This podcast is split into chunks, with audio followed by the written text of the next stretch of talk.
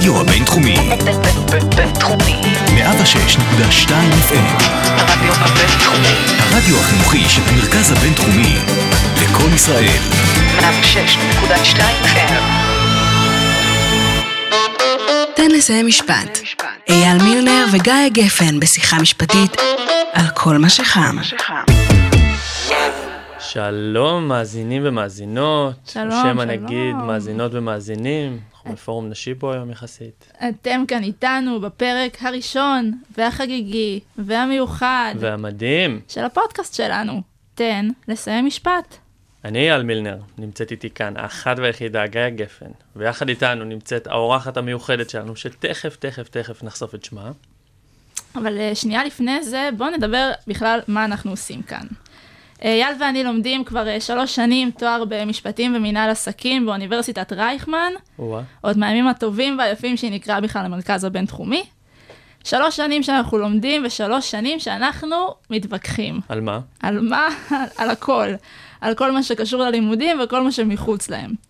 אייל ואני בדרך כלל נוטים לא להסכים כמעט על כלום, ומאוד מתבאסים כשדבר כזה עוד איכשהו כן קורה. לא קורה. אז אה, חשבנו, אייל, למה שלא נקליט את זה? שאלה מעולה. אבל הכל טוב ויפה כשכל אחד מאיתנו בטוח, בטוח, בטוח שהוא צודק, אבל העניין הוא שלא תמיד יש לנו בהכרח את כל הידע בשביל לבחון את הדברים בצורה רצינית. ולשם כך התכנסנו פה, לשם כך אנחנו כאן היום. כל פרק נביא את מיטב המומחים שיעשו קצת קצת סדר בבלגן, ובשיחה קצרה, פשוטה ומעניינת, ננסה לשפוך אור על הסוגיות הכי מעניינות ושנויות במחלוקת שקשורות למציאות של כולנו. יאללה, אז אה, בואו נתחיל. אה, הנושא שאיתו בחרנו לפתוח הוא נושא מאוד מאוד אקטואלי, שהאמת, לצערנו, הוא אקטואלי כבר הרבה יותר מדי זמן, הטרדות מיניות. אה, בפרק הזה ננסה לדבר על אה, מהי הטרדה מינית ואיך ניתן להתמודד איתה, לפחות ברמה המשפטית. אבל רגע לפני זה, חסות קצרה, וכבר מתחילים. סתם. אין לנו כמובן חסות. מי צריך חסות כשאתה ברייכמן? אבל מה שכן יש לנו, זו פינה קטנה, שבה כל פרק נמליץ לכם על אושיית טוויטר אחת, שלגמרי לגמרי שווה לעקוב אחריה.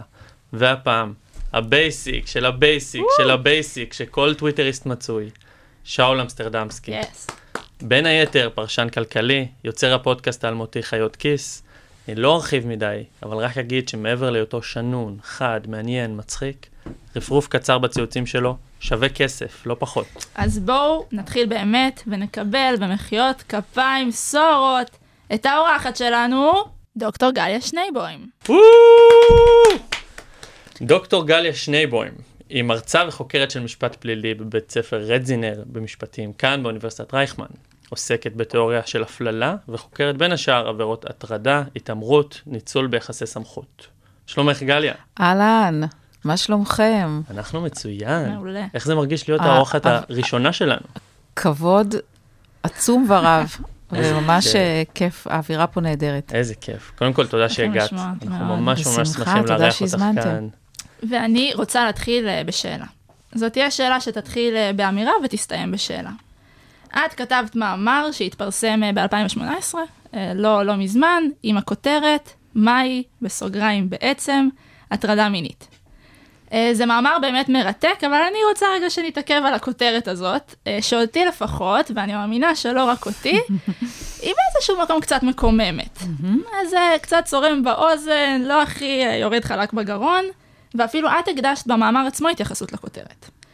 אה, כי על פניו, מדובר בשאלה, לדעתי, שכבר לא צריכה להישאל, ואפילו יש קצת אלמנט מסוכן בשאלה הזאת. אז אולי באמת ככה נכון שנפתח את הפרק הזה אה, בשאלה הזאת. מהי בעצם הטרדה מינית? מעולה. אז, אה, אז אה, אני אתחיל בזה שזאת שאלה שבעצם, הנה המילה עוד פעם בעצם, אפשר לענות עליה ביותר מרמה אחת. אפשר לענות עליה ברמה הפשוטה, המשפטית, מהי ההגדרה של הטרדה מינית, כן? שזה משהו שאנחנו יכולים למצוא אותו היום בכל אה, מוסד שיש לו תקנות, תקנון למניעת הטרדה מינית, אה, בכל מקום עבודה שעושים בו training לעובדים וכולי, יש רשימה של הגדרות מה זו הטרדה מינית.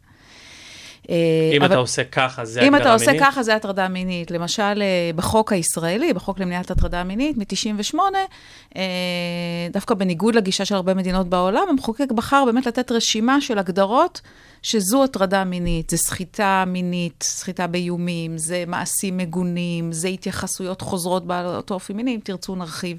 שורה של הגדרות. הבעיה שכולן תלויות קונטקסט. זהו, אז, אז, אז uh, השאלה שאני שואלת במאמר הזה, uh, שהיא באמת שאלה קצת פרובוקטיבית או קצת חתרנית, את צודקת, גאיה, uh, זו השאלה ברמה אחרת. לא מה ההגדרה של הטרדה מינית, אלא בעצם מה, מה הפסול בהטרדה מינית. איזה סוג של עוול טמון בהתנהגות שאנחנו קוראים לה הטרדה מינית. ואם אנחנו נחשוב על זה רגע, כל התחום של הטרדות מיניות, בכלל השיום, כן, הניימינג של הטרדה מינית כעוול, כעוולה, הוא באופן יחסי מאוד חדש. אנחנו מדברים על סוף שנות ה-70 בארצות הברית, אה, ששם בעצם אה, אה, הוגדרה לראשונה ההטרדה המינית על ידי חוקרת פמיניסטית מאוד חשובה שקוראים לה קתרין מקינון. ומאז בעצם חלפו אה, משהו כמו 40 שנה במונחים של... אה, של מש- היום זה כן, מיליונים. זה, אני, אני מבינה, אבל האמת היא שזה באמת מאוד קצר. ובטח, אה, אם אני אדבר רגע עליי ועל התפקיד שלי כחוקרת באקדמיה, ואנחנו נמצאים באוניברסיטה, בוודאי שהתפקיד של, של האקדמיה היא כל הזמן לעורר ספקות ולשאול שאלות על משהו שהוא כאילו כבר מובן וכבר לא צריך להסביר אותו וכבר כולנו מבינים. ואפילו בארצות הברית, שבה התחילה, התחיל הטיפול המשפטי בהטרדות מיניות, בעצם, והיום במיוחד בעקבות המיטו, יש שם דיון עוד פעם מחודש בשאלה, רגע, מה זה בעצם? מה פסול בזה? מה אנחנו מנסים להשיג כשאנחנו אוסרים על זה? כן? וזאת שאלה שיש לה יותר מתשובה אחת אפשרית. אה, יכולים להרחיב. אז אנחנו מדברים בעצם על זה שיש את העניין הקצת עמום של מה זה ממש בפועל הטרדה מינית. נכון שיש לנו אה, חוק שיחסית מגדיר את זה בצורה טובה, נכון. אבל בפועל, בפועל זה נראה אה, קצת שונה לפעמים במציאות ממה שכתוב בחוק, אה, כמו בהרבה מקרים. אה, ואני רוצה לשאול איזושהי שאלת פולו-אפ אה, בהקשר הזה. אה, אני קצת אמביוולנטי בנוגע לעמימות הזו. אה, עברתי על החוק, אני מהמם. ממליץ גם למאזינים שלנו לקרוא אותו. אה, הוא חוק באמת מאוד מעניין וגם מיוחד. אה, לא לכל עבירה אה, מקדישים ממש חוק משלה. נכון. אה, ואולי גם שווה להרחיב רגע בקצרה לפני השאלה שלי, על למה זה לא בחוק העונשין. אז, אז קודם כל צריך לדעת שהטרדה מינית היא לא רק עבירה פלילית, אוקיי? בעצם, אה, למעשה, יש מדינות שבהן הטרדה מינית היא בכלל לא עבירה פלילית. בארצות הברית, ששם נולדה הטרדה מינית, זאת לא עבירה, זה רק, אה, אפשר לתבוע פיצויים בדין האזרחי. בישראל החליטו שיהיו שלושה ערוצי טיפול משפטי בהטרדות מיניות. זה הטרדה מינית היא גם עבירה פלילית, שאפשר להגיש תלונה במשטרה ואפשר להגיש כתב אישום ולהעניש. זאת גם עוולה אזרחית, כך שמי שנפגעת או נפגע יכולים לתבוע פיצויים. אם זה בעבודה, זה בבית דין לעבודה, אם לא, אז לא. אה, וגם יש טיפול משמעתי, כן? בתוך מוסדות, בתוך מקומות עבודה או בתוך אה, מוסדות חינוך. ואפשר ללכת בשלושת הצירים האלו בו זמנית? אז, אז, אז למשל, יש, יש אה, שאלה על הגבול בין המישור המשמעתי למישור הפלילי. בדרך כלל לא מטפלים בשני המישורים בו זמנית, אלא יש איזושהי, איזשהו ניסיון לעשות ביניהם התוויה, התוויית גבול, אבל למשל, המישור האזרחי והמישור הפלילי בהחלט יכולים לקרות במקביל, כי המטרות של הדינים האלה הן שונות. וזה המטרה... ממש מתנהל בבתי משפט שונים. נכון, נכון. אפשר, יש, זה, אני אומרת עכשיו משהו שהוא כללי בכלל על הקשר בין הדין הפלילי לדין האזרחי. אפשר, נניח אם היה דיון פלילי, אפשר אה, אה, להשתמש בחלק מהממצאים של הדיון הפלילי, להעתיק אותם למישור האזרחי, כדי שלא נצטרך לעשות עבודה כפולה. אבל באופן עקרוני זה שני מישורים שונים, והמטרות הן שונות, גם התוצאה של ההליך היא שונה. הטרדה, מינית כעבירה, התוצאה של ההליך, אם יש הרשעה, זה עונש. הטרדה מינית כעוולה, התוצאה של ההליך זה שהנפגעת תובעת פיצויים והיא מקבל, ומפצים אותה בכסף. בכסף. כן, כן. אוקיי? אוקיי.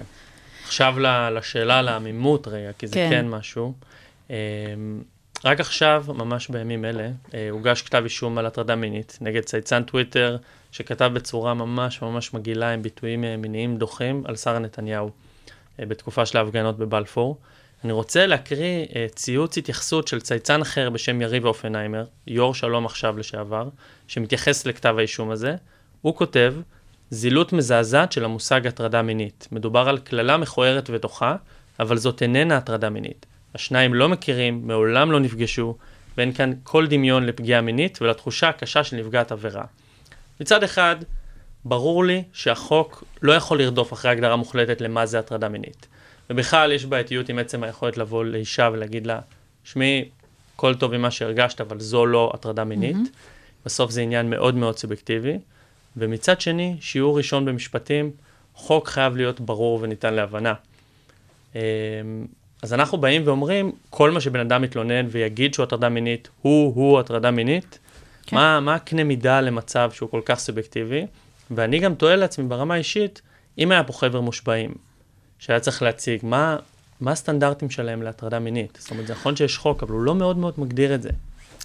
אוקיי, okay, אז, אה, אז אתה בעצם שואל שאלה שאנחנו הרבה מאוד שומעים בעצם, שמדברים עליה בהקשר של uh, הטרדות מיניות, וזה באמת העמימות של החוק, ומה ההבדל בין, כן, השאלה המאוד מאוד שגורה הזו, מה ההבדל בין חיזור uh, לגיטימי לבין הטרדה מינית שהיא פסולה, אוקיי? מה...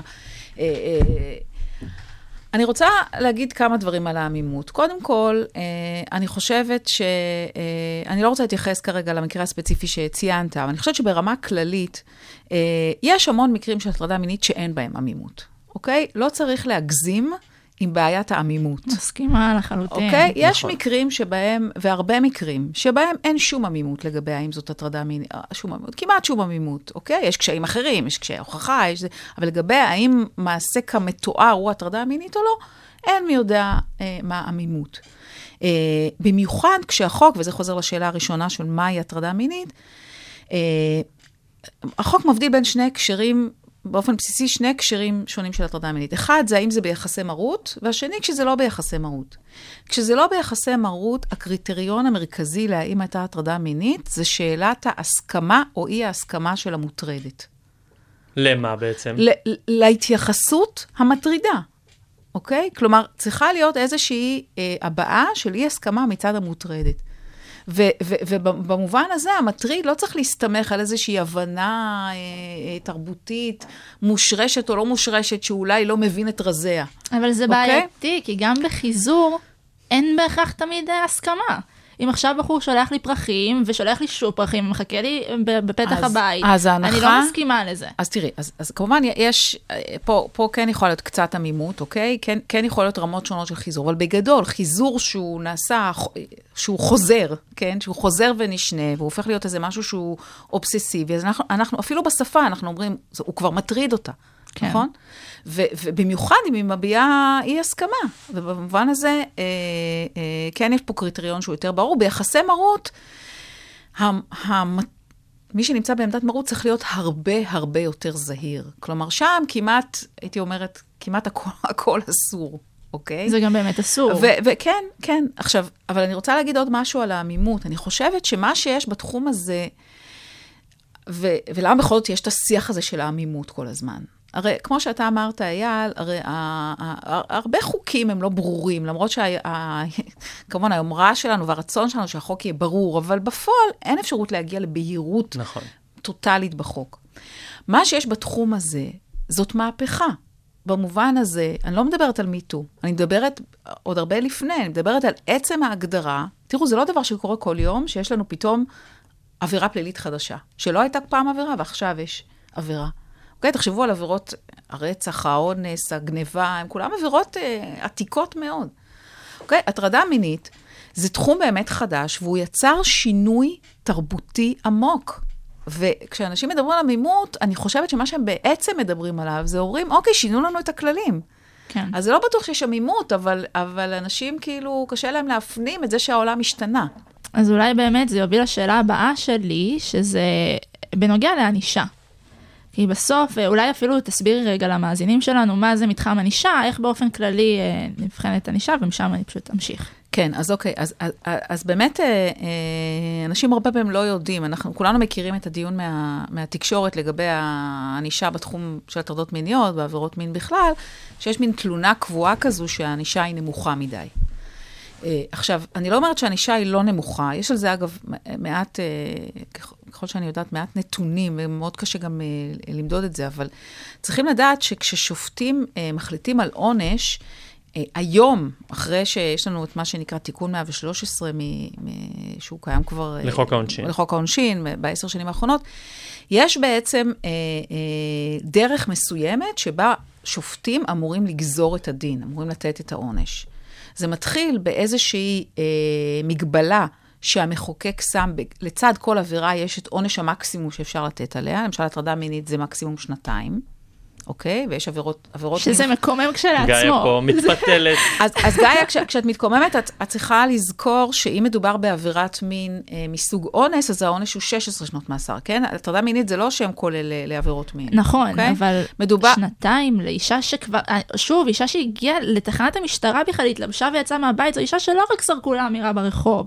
זאת אמירה, ש- זו אישה שעברה הטרדה, ולדעתי הטרדה לאורך זמן יכולה להיות הרבה יותר חמורה מאיזה פליק. אז הטרדה שיקבלו עליו, אז אה, אם יש מגע חמור. פיזי, למשל מעשה מגונה, אז העונש הוא יותר חמור מאשר שנתיים. אפשר לתת שלוש שנים, במקרים מסוימים חמש שנים, זה, זה תלוי. אה, אז יש את עונש המקסימום שהמחוקק קובע, שזה אומר שמעבר לזה השופט לא יכול לתת, או השופטת, ואחר כך אבל יש תהליך די מסודר כזה, שהשופטת צריכה להסתכל על הקייס שיש בפניה, לתת לו איזה שהם מאפיינים מבחינת החומרה שלו. כי כמובן שכל מקרה הוא, הוא שונה, ויש מקרים, גם בתוך הסל הזה שנקרא הטרדות מיניות, יש מקרים שהם יותר חמורים, ויש מקרים שהם פחות חמורים, ויש מקרים שהם ממש קלים. ואז היא אמורה לצייר לעצמה איזשהו מתחם של עונש, שיש לו גבול תחתון וגבול עליון, ואז היא אמורה להחליט בתוך המתחם איזה עונש היא נותנת, כשלמשל, שיקול, שיקול של הרתעה, כן, בענישה, הוא יכול לשחק רק תפקיד מאוד מסוים. אי אפשר, נניח, בתקופה... מה זה אומר מסוים? אז- אני אסביר. אז המתחם של הענישה נקבע לפי חומרת המקרה. זה לא קשור בכלל לצורך בהרתעה כרגע, זה כאילו איזשהו, להגיד מה מגיע לאדם הזה על מה שהוא עשה, נטו כזה, אוקיי?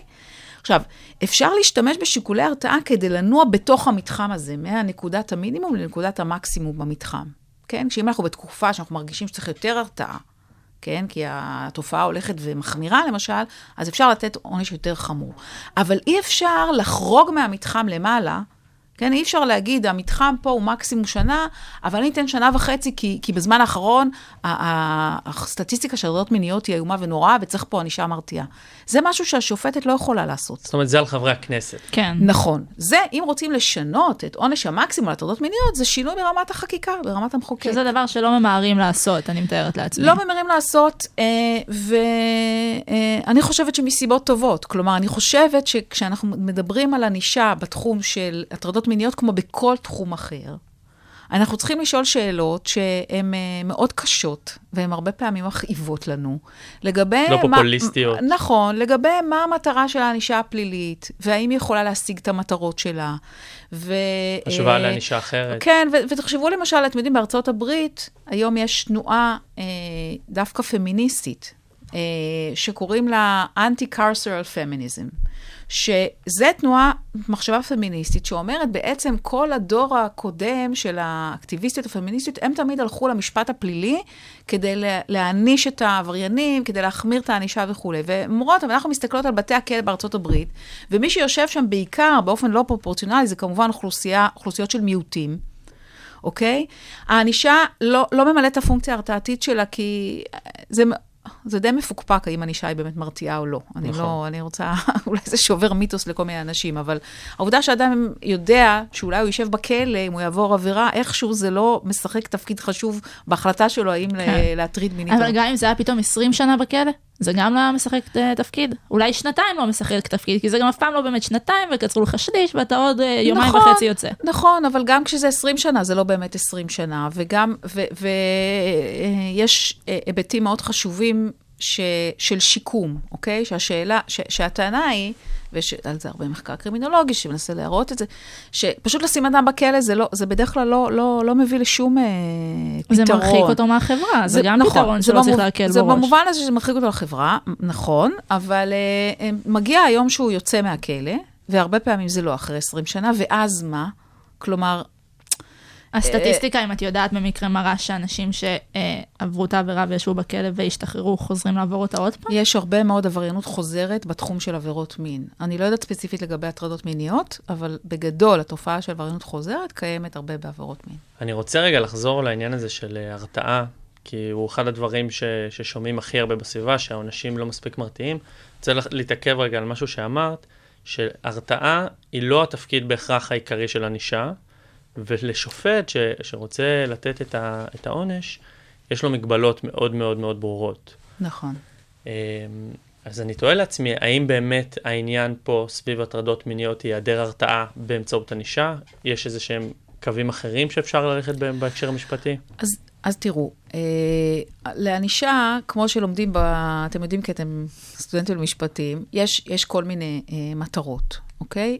בתחום הענישה בכלל בישראל, בו- בעקבות אותה רפורמה שציינתי קודם, תיקון 113, המחוקק בא ואמר, המטרה המרכזית של הענישה, בכל תחום, לא בהטרדות מיניות דווקא, זה לא הרתעה, אלא זה מה שאנחנו קוראים גמול. בא ואומר שמישהו עושה מעשה שהוא עבירה על חוק שאנחנו כחברה החלטנו שהוא הנורמה שעל פי אנחנו רוצים לנהל את חיינו, מי שבא ועובר על החוק הזה, הוא צריך להיענש. כי, כי זה, זה האופן שבו אנחנו בעצם מקיימים את החברה שלנו. עין אוקיי. תחת עין של פעם. נכון, נכון, זה, זה, זה, זה נקרא אה, גמול. עכשיו, אני חושבת שבתחום של הטרדות מיניות, אה, הרבה פעמים אנחנו מדברים על הרתעה, כי זה כאילו שפה שיותר קל אה, לדבר בה, כי כאילו, כאילו יש לה איזה קופון שאפשר מהר לגזור אותו. כן, הנה, למה אנחנו מענישים? כי הנה, זה יביא הרתעה וזה, ויפחית את ההטרדות המיניות. שאני חושבת שבעצם הדבר המרכזי שחשוב לנו בהטרדות מיניות לא פחות מהרתעה, זה הסיפור של גמול. אנחנו לא תמיד מודים בזה, אבל אנחנו כן, כן. רוצים שמי שעבר את העבירה, ולהפך, זה, זה, זה אפילו חלק מהאופן שבו אנחנו יוצרים פה שינוי נורמטיבי, רחב. זה שאנחנו מכריזים, הענישה יש לה מימד מאוד חשוב של גינוי פומבי, אנחנו קוראים. אוקיי, אז אם כבר הזכרת את המיטו, באמת קשה לעשות אה, פרק כזה, ובכלל לנהל שיח על הטרדות מין, על עבירות מין והטרדות מיניות אה, בעידן שאנחנו חיים בו, בלי להזכיר את התנועה המשנה החיים הזאת. הבאזוורד של השנים האחרונות. כן, מיטו, שיש לה אה, בעיניי הרבה מאוד יתרונות, יש לה גם אה, לא מעט חסרונות, אה, ובדרך כלל אני מרגישה לפחות שמדברים עליה באלמנט השינוי התרבותי שהיא יצרה. אה, אבל אותי מעניין גם לשאול האם התנועה הזאת, מעבר לשינוי התרבותי שהיא יצרה, גם יצרה איזה שינוי משפטי, שבסוף מגיע אה, ממש לידי ביטוי ב, ב, בטיפול המשפטי בעניין. מצוין, זו שאלה מאוד, אה, אני חושבת, פרודוקטיבית, לחשוב עליה. זאת אומרת, היא יכולה לקדם אותנו, כי, כי בעצם, אה, כשאנחנו מסתכלים על תנועת מיטו, אפשר, אפשר במיוחד, היום שאנחנו כבר כמה שנים בתוך, בתוך זה, אנחנו יכולים ככה לזוז הצידה ולהסתכל רגע מה בעצם קרה פה. כי יש פה משהו מאוד מעניין, עוד פעם, הרי, הרי המהפכה הגדולה של עצם ההגדרה של הטרדות מיניות כעוולה, כעבירה, זה משהו שקרה כבר לפני 40 שנה. כן? אז עכשיו, המיטו, כשאומרים המהפכה של מיטו, זה לא בעצם ההגדרה של הדברים האלה כמשהו שהוא פסול, אלא יש פה משהו, כאילו אנחנו עוד פעם מזכירים, אנחנו עוד פעם מעלים את, המודעות לכמה הדבר הזה הוא חשוב. אבל מה שמעניין, שברמה, ברמת המשפט המהותי, ברמת ההגדרה של מהי הטרדה מינית או תיקונים לחוק, אין איזה שינויים, או אין כמעט, אני לא מצאתי איזשהו שינוי משמעותי. יש מדי פעם תיקונים לחוק למניעת הטרדה מינית, שפה מוסיפים עוד איזה, מוסיפים שגם כשאישי ציבור מטרידים מינית זה עבירה, וגם כש... זאת אומרת, מוסיפים מדי פעם תיקונים, אבל זה לא קשור דווקא למי-טו. אז אגב, ההבדל... אגב, אני אזכיר שהמיטו אה, הוקמה באזור 2017, סביב הפרשייה של ארווי ויינשטיין. נכון. אה, זה מרגיש שהיא איתנו עשרות שנים, אבל אנחנו מדבר על 4-5 כן, שנים. כן, כן, אבל, אבל, אבל אה, גיא, עדיין, עדיין השאלה שהכי חשובה, כי אני חושבת, כשאני מסתכלת על מיטו, אז בעיניי חלק גדול מהסיפור של מיטו, זה לא שצריך להגדיר מחדש משהו שלא ידענו שהוא אסור, אלא זה חוסר שביעות, בלשון המעטה, אה, מאוד רציני מהאופן, מהאכיפה, מהאופן כן. שבו המערכת המשפטית מגיבה ומטפלת בהטרדות מיניות. ופה, תנועת מיטו היא בעצם תנועה של הרשתות החברתיות, ש, שבעצם אה, באות נפגעות ואומרות, אנחנו בעצם, אנחנו לא, לא נפנה למערכת המשפטית. שבעצם מכריזות, המערכת המשפטית לא עזרה לנו. או שאנחנו בכלל לא סומכות עליה מלכתחילה שהיא תעזור. נכון. נכון. או, ש- או שניסינו והתאכזבנו, כן, פנינו למשטרה, אבל בעצם לא עשו עם זה כלום, או אולי, אה, לא יודעת מה, הגישו כתב אישום, אבל אה. אה, היה זיכוי, או הייתה הרשעה, אבל העונש היה נמוך, או כל מיני דברים כאלה, ואנחנו לפני הרשתות החברתיות, אוקיי? ושם בעצם אנחנו, אנחנו, במיוחד, יכול להיות מצבים שאנחנו יודעים שמישהו פגע בי, ובמשך הרבה שנים שתקתי, אבל פתאום עכשיו אני יודעת שהוא הולך להתמנות לאיזה תפקיד. כן, אוקיי? ואז הם יגידו אני- איפה היית, פתאום עכשיו. נכון, נכון. ואני כן יכולה להשתמש ברשתות החברתיות שהן חופשיות מהרבה מגבלות פרוצדורליות די כבדות שהמערכת המשפטית כפופה להן, כמו שזה- למשל דיני ההתיישנות, כמו... אה, אה, אז זה גם חיסרון מאוד גדול. כי זהו. מבחינת התוק... ה- ה- כי לכאורה התוקף, גם פה נשללת לו הזכות באיזשהו אופן הליך הוגן, כי הוא...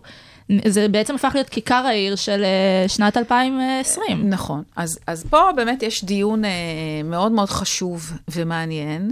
אה, כן, וזה מעניין לדעת, אולי אנשים, אה, אנשים שמעו על אורית קמיר, שהיא בארץ, ככה, האישה היא חוקרת אקדמיה ומשפטנית, שבעצם היא זו שקידמה את החוק למניעת הטרדה מינית וניסחה אותו. אה, ומאוד כמובן תומכת בו והכול, אבל היא בשנים האחרונות, יש לה הרבה, הרבה מחשבה והתבטאות על תנועת מיטו, כתנועה שיש איתה המון בעיות, מבחינת באמת הזכויות של המוטרדים שנחשפים ומבוישים בקמפיינים האלה של, של uh, מיטו. ויש פה שאלה מאוד מורכבת, כי אפשר מצד אחד להגיד, המערכת המשפטית יש לה המון בעיות, המון חולאים, ולכן בעצם היא לא עושה את תפקידה, ולכן אה, אה, אה, הנפגעות פונות לרשתות החברתיות, ושם אה, הן מצליחות לעורר הד. כן, ולא רק לעורר הד, אנחנו יודעים שמבחינת התוצאות, אנחנו יודעים שהרבה פעמים אנשים, מספיק ש, ש, שפרסמו עליו, הוא כבר, הוא כבר אין לו עבודה, הוא כבר אה, לא נותן שירות הוא יותר. כבר נענש ברמה הוא החברתית. כבר נענש, ולפעמים זו ענישה מאוד מאוד חמורה. ויכול להיות כן? שהוא לאורך כל הדרך חף מפשע. בדיוק. אז אני אשאל שאלה רגע נוספת על זה. בואי נניח שהיה את השיימינג ברשתות החברתיות, ואותה נפגעת הלכה והגישה תלונה. האם בתפיסה שלך זה מה שיכול להשפיע על אה, ניהול משפט תקין והוגן? בסוף היא הולכת לתת עדות, הולך להתנהל משפט, לעתים הוא מאוד מאוד ציבורי. יכול להיות פעמים זה- שהשופטים והחוקרים וכל מי שתפגוש לאורך הדרך קרא את הפוסט ו- קרא ולא כבר. מגיע נקי. זה קורה בלי סוף בפרשות שאנחנו נחשפים אליהן. נכון, אז זאת שאלה שהיא היא לא מיוחדת רק להטרדות מיניות. זה, זה, זה, ש- זה שאלה ששייכת לעולם אה, של המדיה שאנחנו מכירים אותו היום, שהרבה תחומים, לא רק הטרדות מיניות, נדונים בתקשורת. אתם יודעים, פעם היה ניסיון אה, להגן על ההליך המשפטי, על ה, כאילו העצמאות שלו והתואר שלו באמצעות עבירת הסוביודיצה. לא יודעת אם אתם מכירים, שכאילו, אם מתנהל דיון משפטי באיזושהי, פלילי, אוקיי? באיזושהי סוגיה, אסור לתקשורת לדון בזה באותו זמן שמתנהל משפט, אוקיי. אוקיי? כדי לא להטות אותם. נכון. היום העבירה הזו, היא עדיין קיימת בספר החוקים, אבל אף אחד לא, לא, לא, לא אוכף אותה. כאילו ברור שזה כבר, כבר סוסים שיצאו מהערובה, אוקיי? זה מצד אחד.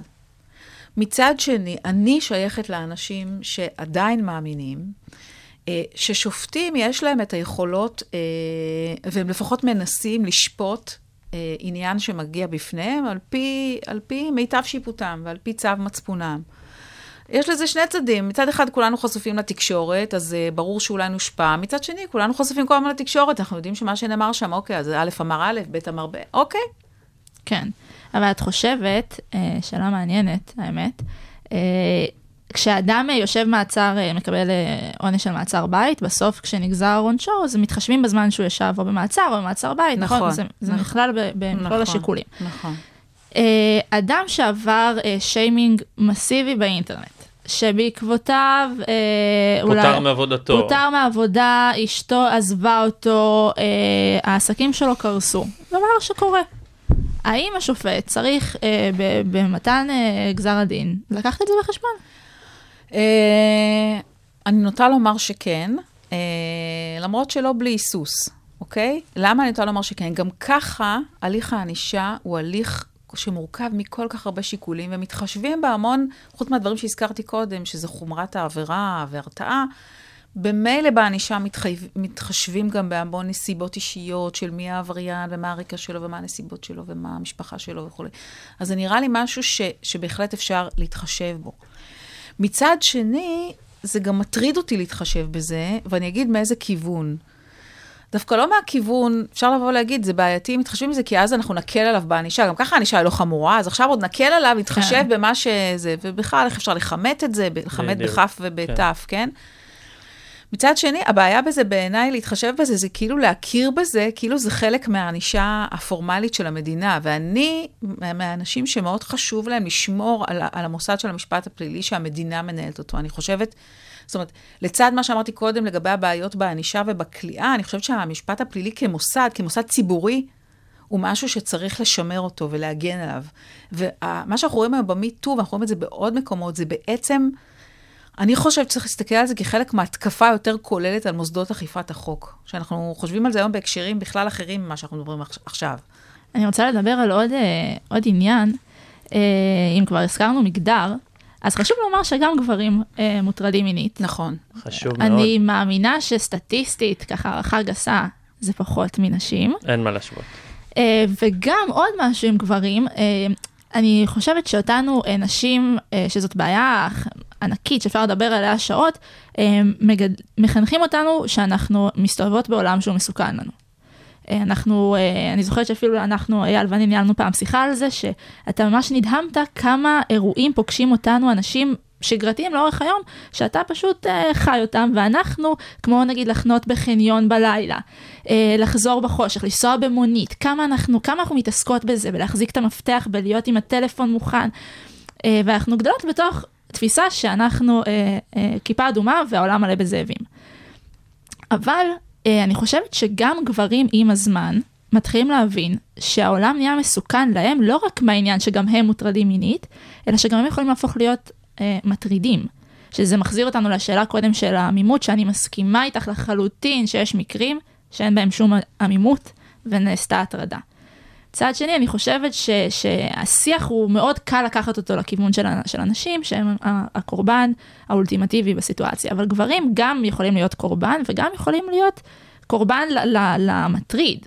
נכון. אז... אז, אה, מדברים על זה בכלל באקדמיה, ב... אה, מדברים על זה, מדברים על זה, אה, על שני הדברים. כלומר, גם על הדבר שלמרות שזה התחיל כמובן מהתנועה הפמיניסטית, וזה היה קשור גם, זה לא סתם התנועה הפמיניסטית, זה קשור ל- לזה שנשים הן מוטרדות וגברים הם מטרידים, אז היום ברור לנו שגם גברים יכולים להיות, יכולים להיות מוטרדים, וגם זה לא רק ביחסים אה, הטרוסקסואליים כמובן, נכון? נכון. ראו פרשת גל חובסקי. נכון. ברור. אמ, אז, אז מדברים על זה כי, בין השאר, כי בארצות הברית כל התפיסה של הטרדה מינית התפתחה כחלק מדיני האפליה. ואז באו אה, אנשים, למשל מהקהילה הלהט"בית, ואמרו, רגע, מה... גם גברים הם מוטרדים. אז בכלל התפיסה שלנו של הטרדה מינית היא לא, היא לא נכונה, זה לא דבר שפוגע, שגברים עושים לנשים, נכון. רק, אוקיי? אז, אז יש דיון כזה. וגם הנקודה השנייה שהעלית, שהיא בעיניי מאוד מאוד חשובה, והיא, שעוד פעם אנחנו חוזרים בעצם לנקודת העמימות, שבגלל שאנחנו בתקופה שהיא, היא, עוד פעם, היא שינוי אדיר פה בנורמות וביחסים, אז באמת יש כל הזמן חשש שכיוון שאנחנו נורא מפחדים שאנחנו לא נעשה את השינוי, ואנחנו לא נצליח עם השינוי, ואנחנו הולכים פה נגד מאות אלפי שנים, אוקיי? אז אנחנו כל הזמן מפחדים שלא נעשה את השינוי מספיק. ומצד שני, אנחנו כל הזמן גם אולי עושים אותו יותר מדי, במובן הזה שאנשים פוחדים לדבר, כן? שהם הופכים את עצמם... אותי למשל מאוד מטרידה הסוגיה של האם אנשים בעקבות ה-MeToo, או בכלל בעקבות האיסורים על הטרדות מיניות, למשל נזהרים בכלל מכל אינטימיות במקום העבודה, לאו דווקא מינית. כן? אנשים מפחדים לסגור את הדלת. אוקיי? מה זה אומר על איך שאנחנו מנהלים את החיים נכון. שלנו? אי אפשר יותר לקיים שיחה בדלת סגורה, כי כולם מפחדים שמא, שמא יעלילו עליי, נכון? כן, אני, אבל- יש לי, יש לי איזה הערת צד אה, שאני. רוצה להגיד בתור אה, גבר בסיטואציה הזו, כי אני כן חושב שזה נושא שמאוד מעסיק, והוא גם נמצא בשיח בין גברים, אני יכול להגיד. אה, ואני מזהה פה איזשהו שתי באסות, נקרא לזה, אה, בשפת העם. באסה ראשונה, נשים מוטרדות.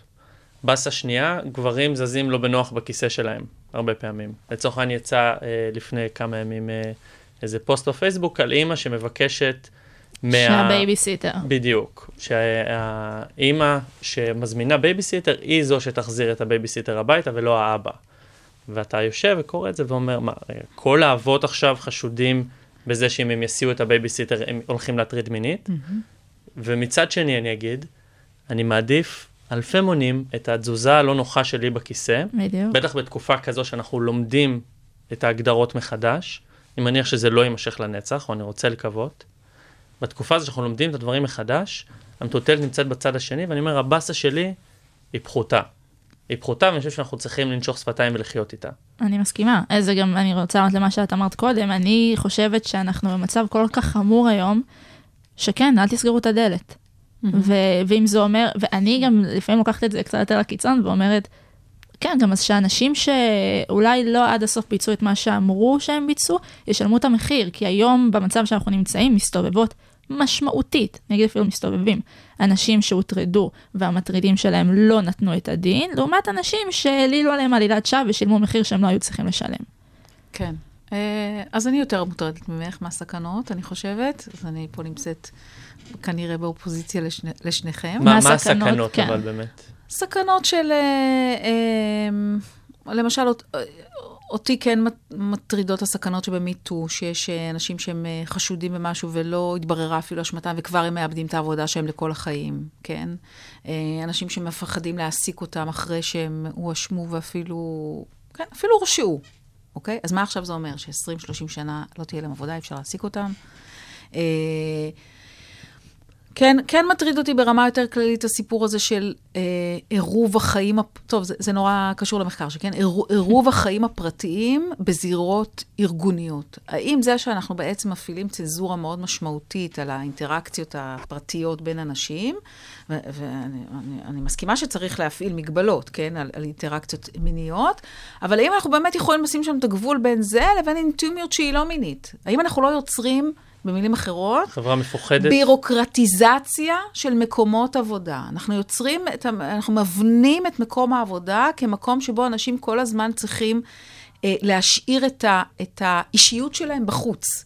כן? הם צריכים, הם צריכים כל הזמן לנקות. אבל את לא אה, חושבת שאם עד היום זה עבד לכיוון השני, אז אם עכשיו כן נפעל ככה בגישה הזאת שאת מפחדת ממנה, עם הזמן זה פשוט נמצא איזשהו איזון בין השניים ונצליח לנהל יחסים תקינים במקומות העבודה. אני נורא מקווה. אה, אבל אני את לא מפחדת מאמינה. שלא.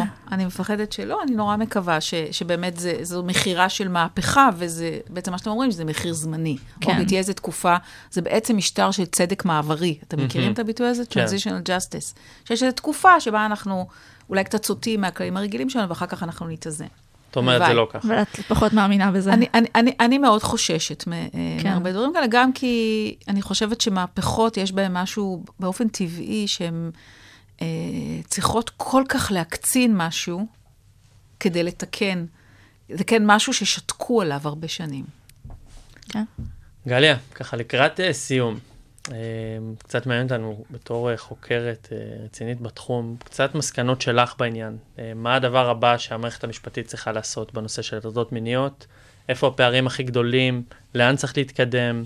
ממה אנחנו צריכים לחשוש? כן. אז, אז אני, אני באמת אדבר מתוך הפרספקטיבה שלי ומתוך המחקר שלי.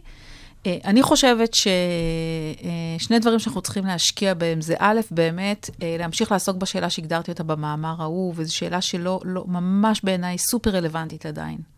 אה, מה, מה בעצם פסול בהטרדה מינית? ול- ולא לפחד לשאול את השאלה הזו. כי אם נדע מה פסול, אז מה זה יעזור? כי אם נדע מה פסול, אז נדע אה, להגדיר יותר טוב את, הח, את החוקים שלנו, אבל, אבל אפילו זה לא הדבר החשוב, אנחנו נבין יותר טוב את, את העולם שלנו ואת עצמנו בעצם, הרי זה מה שאנחנו מנסים לעשות, לתת משמעות לקיום שלנו. אה, ולכן זאת שאלה שהיא, שהיא חשובה בעיניי וצריך להמשיך לדון בה. הכיוון שאני מנסה להוביל זה באמת אה, להוציא את התחום הזה של הטרדות מיניות מהמשבצת המגדרית ואפילו מהמשבצת המינית.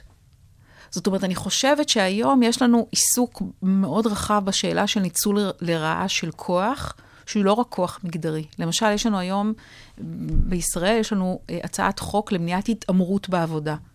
שהתעמרות זה בעצם הטרדה שהיא לא מינית. ואנחנו לא צריכים להגביל את עצמנו רק לתחום המיני. יש פה שאלה שלמה של איך מרסנים כוח בסביבות מקצועיות, בסביבות ארגוניות, מה המחירים שאנחנו מוכנים לשלם אה, בשביל זה. ולכן, חוץ מהשאלה המהותית הזו שאנחנו צריכים לעשות בה, של מה ההגדרה המהותית של העוול, אני חושבת שאנחנו, במישור של הטיפול ושל האכיפה, אני חושבת שאנחנו מאוד צריכים לעסוק בשאלה איך מוסדות מטפלים בהטרדות מיניות ובהטרדות אחרות בתוך עצמם. זה משהו שכמעט לא נגענו בו. נכון. אה, אבל יש היום, התחום הזה הוא תחום שמשווע למחקר, כן? איך גופים מפעילים את דיני המשמעת שלהם, בשירות המדינה זה למשל אה, בית דין למשמעת של, עובדי, של שירות המדינה, אבל יש גופים פרטיים כמובן שיש להם אה, כל מיני פורומים משמעתיים והחלטות, ומה מותר למעביד לעשות, האם מותר למעביד לפטר עובד כי הוא הטריד מינית? מה בעצם הסטנדרטים שם בכלל? אין לנו, אין לנו מחשבה והגדרה לעצמנו בעצם מה אנחנו רוצים מהמישור הזה לעומת המישור הפלילי, לעומת המישור האזרחי. ובעיניי, כיוון שאני רואה את כל האווירה הזו כ- כמשהו שמאוד קשור למישור הארגוני, אז אני חושבת שגם הטיפול המשפטי, חייבים שם לעשות עוד עבודה של להבין אגב, איך המוסד מטפל בזה. אפרופו קטגוריזציה, אה, השאלה אם הטרדות מיניות צריכה להיות אה, תחת הטרדות כלליות, או באמת תחת אה, עבירות מין, שישר זורק אותנו ל- לאונס ומעשה נכון, סדום. אז התפיסה שלי היא שזה דבר מובחן, שאני חושבת שיש, שיש נזק בלקטלג את זה תחת עבירות מין. נזק גם מהסוג של אה, לבטל הבחנות, כמו שאתה הזכרת קודם, וגם נזק מהסוג של לא להבין בעצם מה, מה ה... מה הייחוד בהטרדות מיניות? עוד פעם, זה לא בעיניי, הטרדה מינית זה לא תקיפה מינית קלה, אלא יש, יש בה איזשהו ניצול, יש בה איזשהו ניצול לרעה של כוח, שהוא משהו מובחן, שצריך לחשוב ובתקיפה עליו. מינית, תקיפה מינית לא? אז עוד פעם, אז אם התקיפה המינית קורית ביחסי מרות, כן, אז, אני אז יודעת יודעת, איך זה אבל, מרות. אבל תקיפה מינית שלעצמה, בהגדרה שלה, היא פשוט, היא פשוט פלישה לריבונות של אדם אחר, ללא הסכמתו. זה תקיפה, מהמם. אוקיי? והטרדה מינית זה לא זה, גם יש לזה שם אחר. כן. אז גם צריך להגיד, להבין שיש פה משהו מובחן. אגב, אחד הדברים שאני יוצא מפה מאוד מוטרד מה, מהשיחה, אה, זה בעצם היכולת של, אה, של מערכת המשפט להמשיך להיות הגוף שקובע עונשים, שלוקח את החוק לידיים, ולא, ולא בעצם האזרחים. אני נכון? גם, אני גם רק אני רואה לא את זה הולך מתכוונת להרגיע ומחמיר. אותך בזה. יופי. אוקיי, בנימה אופטימית זו. אני חושבת שאנחנו יכולים אה, לסכם ולהגיד שהטרדות מיניות זה לא, זה לא דבר חדש של התקופה שלנו, וגם לא שלפני 40 שנה, כי כנראה זה היה מאז ומעולם, עוד הרבה לפני שנתנו כתופעה, לזה, בטח שזה היה. עוד לפני שמישהו בכלל ידע לתת לזה שם, אבל אולי כן אפשר להתנחם, אפשר בכלל לקרוא לזה איזושהי נחמה, שאנחנו כן במגמת שיפור. אה, בין אם מדובר במערכת המשפטית אה, אה, ובציבור, וגם מבחינת הקורבנות, שנכון שיש אה, המון תסכול ממערכת המשפט, אבל אני, אני די בתחושה שקורבנות אה, הטרדה מינית או תקיפה מינית, אה, כן מרגישות היום, ואני אגיד מרגישות, אה, ש. שיש להן אה, גם אחריות וגם כוח לצאת אני, אה, אני מסכימה. למלחמה וממש הזאת. תודה על, ה, על החידוד הזה, כי אני חושבת שזה לא מספיק אה, בא לידי ביטוי בשיחה שלנו, ואני ממש מסכימה שבסך הכל, אם מסתכלים אה, על התמונה הכללית, בהחלט יש, יש מודעות יותר גבוהה לזה, ויש עיסוק, עצם זה שאנחנו מקיימים על זה את השיחה היום, ובטח שזה זה נושא ש, שהוא כן נמצא בקדמת הבמה. אוקיי, אז תודה רבה גליה, שלימדת לנו עוד קצת על הסוגיה הזו מזוויות באמת באמת שונות, אה, שאנחנו לפחות לא חשבנו על כולן לעומק. תודה לכם שהאזנתם לנו, מאזינות ומאזינים יקרים ויקרות. מקווים שהפרק הזה היה מעניין וחיוני עבורכם ועבורכן. והאמת שהיינו מאוד שמחים לסיים את הפרק עם איזשהו שיר יפה לסיום, אבל החיים כמו החיים, אה, יש אה, פה אי אלו מגבלות שלא מאפשרות לנו לעשות את זה, אבל שלא תחשבו שאנחנו משאירים אתכם בידיים ריקות, ממש לא. כי אמנם אנחנו לא יכולים להשמיע לכם שיר, וזה גם הפתעה ככה לאורחת שלנו. אנחנו uh, מבקשים אה, מהאורחים שלנו באופן מפתיע לבחור שיר, להמליץ להמליץ. למאזינים שלנו לסיים את. הפרק וללכת לחפש זה יכול בעצמם. להיות שיר ששמעת ברדיו וזה יכול להיות שיר שאת אוהבת. אני ממש בלי התלבטות בוחרת וואו. את השיר סביבנו, סביבנו. סביבנו של יוני רכטר. זה וואו. שיר שמדבר על הרעש מסביב ועל הצורך אה, להתמקד, להתכנס, כדי לשמוע יותר טוב מה קורה. מדהים. אז תקשיבו לו, מדהים. לא לאכזב אותנו, יהיה מבחן על זה בפרק הבא. ממש, ונתראה בפרק הבא. איזה כיף. להתראות. ביי ביי. ביי.